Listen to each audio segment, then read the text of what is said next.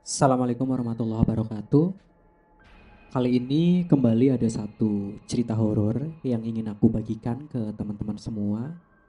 Datangnya dari seorang kawan, namanya Mas Kusnadi ya, tapi aku manggilnya Mas Kus. Di mana Mas Kus ini saat ini berprofesi sebagai driver ojek online. Tapi cerita horor yang ingin aku ceritakan sama sekali bukan cerita yang dialami sama Mas Kus uh, setelah Mas Kus menjadi driver ojek online ya, melainkan cerita yang Mas Kus alami di zaman dulu waktu Mas Kus masih berprofesi sebagai pekerja bangunan. Jadi sekitar tahun 2012 sampai tahun 2014, Mas Kus itu berprofesi sebagai pekerja bangunan yang memang kerjanya pindah-pindah gitu ya dari kota satu ke kota yang lain tergantung di mana uh, ada proyek dan di sana Mas Kus uh, bekerja gitu. Nah, kejadian ini dialami sama Mas Kus waktu Mas Kus uh, mendapatkan proyek di salah satu kota yang ada di Jawa Timur sana. Proyek yang lagi dikerjakan Mas Kus merupakan sebuah proyek yang uh, lumayan besar ya, sebuah bangunan yang lumayan besar. Tapi bangunan itu bukan bangunan perkantoran, bukan ruko, melainkan itu rumah biasa.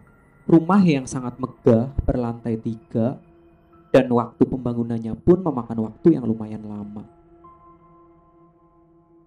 Nah seperti biasa Mas Kus itu kalau misalnya lagi ada proyek, biasanya Maskus dan rombongannya itu tidur di rumah yang lagi dibangun itu.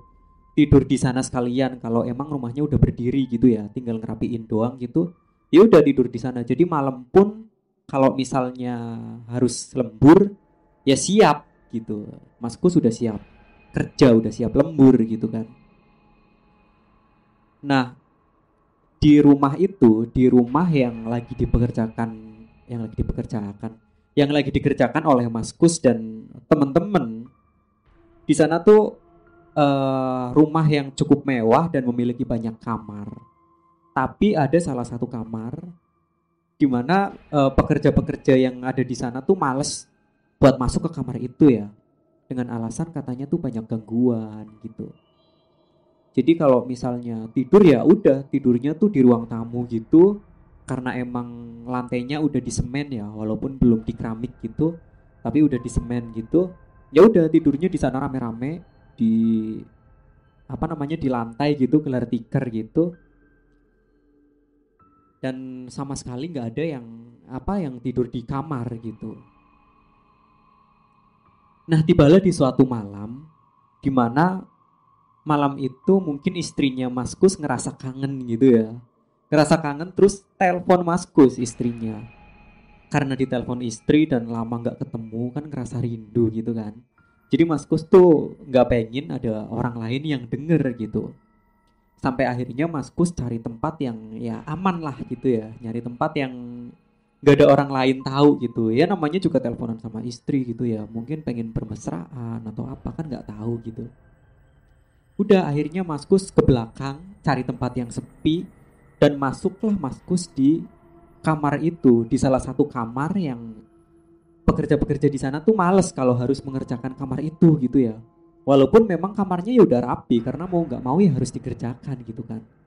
Tapi katanya ada beberapa pekerja yang mengalami kejadian horor yang mengalami gangguan-gangguan mistis di kamar itu. Kembali ke cerita Maskus pun akhirnya masuk ke kamar itu. Di sana Maskus teleponan ngalor ngidul sama istri gitu kan teleponannya bahas apa saja lah bermesraan ya tahu sendiri lah ya namanya teleponan suami istri gimana gitu. Apalagi di tempat yang sepi gitu kan. Dan emang gak ada orang lain yang denger. Teman-temannya yang satu rombongan ya di proyek itu ya pada cuek pada dengan kesibukannya masing-masing gitu kan. Udah Maskus teleponan sama istri sampai malam sampai akhirnya Maskus ketiduran di kamar itu.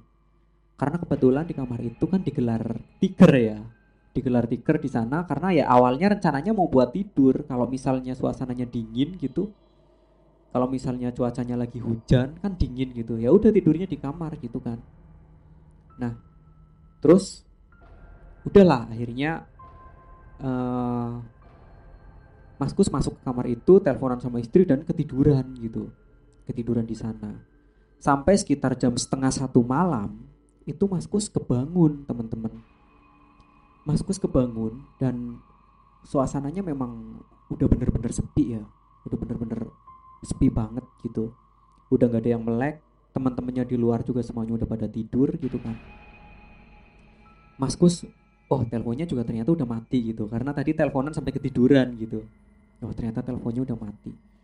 Nah di sana tiba-tiba itu Maskus nyium aroma yang apa ya yang Maskus tuh selama ini sering nyium tapi Maskus lupa ini aroma apa gitu. Aromanya itu wangi-wangi kayak wangur gitu ya wangur gimana sih? Uh, wangi-wangi kayak wanginya bunga kamboja dan lain sebagainya gitu. Intinya kayak aromanya orang mati gitulah. Mas Kus tuh nyium kayak gitu gila serem banget sih ini kamar gitu. Pantesan gak ada yang berani masuk sini gitu kan pikir Mas Kus tapi Mas Kus cuma ngucap di dalam hati gitu. Sampai akhirnya Mas Kus itu duduk duduk dan berniat keluar buat bergabung bareng teman-temannya. Nah waktu Mas Kus duduk itulah tiba-tiba Mas Kus denger suara tangisan teman-teman. Suara tangisan yang lumayan jelas. Walaupun suara itu nggak jelas sumbernya dari mana tapi suara itu bener-bener kedengeran jelas gitu ya. Bener-bener terdengar sangat jelas dan itu suara tangisan wanita. Ya maskus langsung gila ini suara tangisan dari mana sih gitu kan? Kok serem banget gitu. Ada suara tangisan segala. Nah udah tuh maskus uh, tengok ke kanan ke kiri gitu kan. Nyari nyari barangkali ada apa gitu. Sampai nengok ke atas juga gitu barangkali ada apa. Ternyata nggak ada apa-apa. Sama sekali nggak ada apa-apa. Semuanya normal. Udah lah karena masih ngantuk juga ya Maskus tiduran lagi kan dan waktu itu uh, Maskus tuh ambil posisi tiduran tidurnya tuh miring ya jadi telinga telinga kirinya itu nempel keramik gitu karena tidurnya itu miring ke kiri dan ternyata Maskus baru menyadari kalau suara itu ternyata sumbernya dari dalam lantai teman-teman. Di sana Maskus langsung astagfirullahaladzim. Jangan-jangan ini dulu tanahnya bekas kuburan gitu kan. Hal itu yang terlintas di pikirannya Maskus gitu.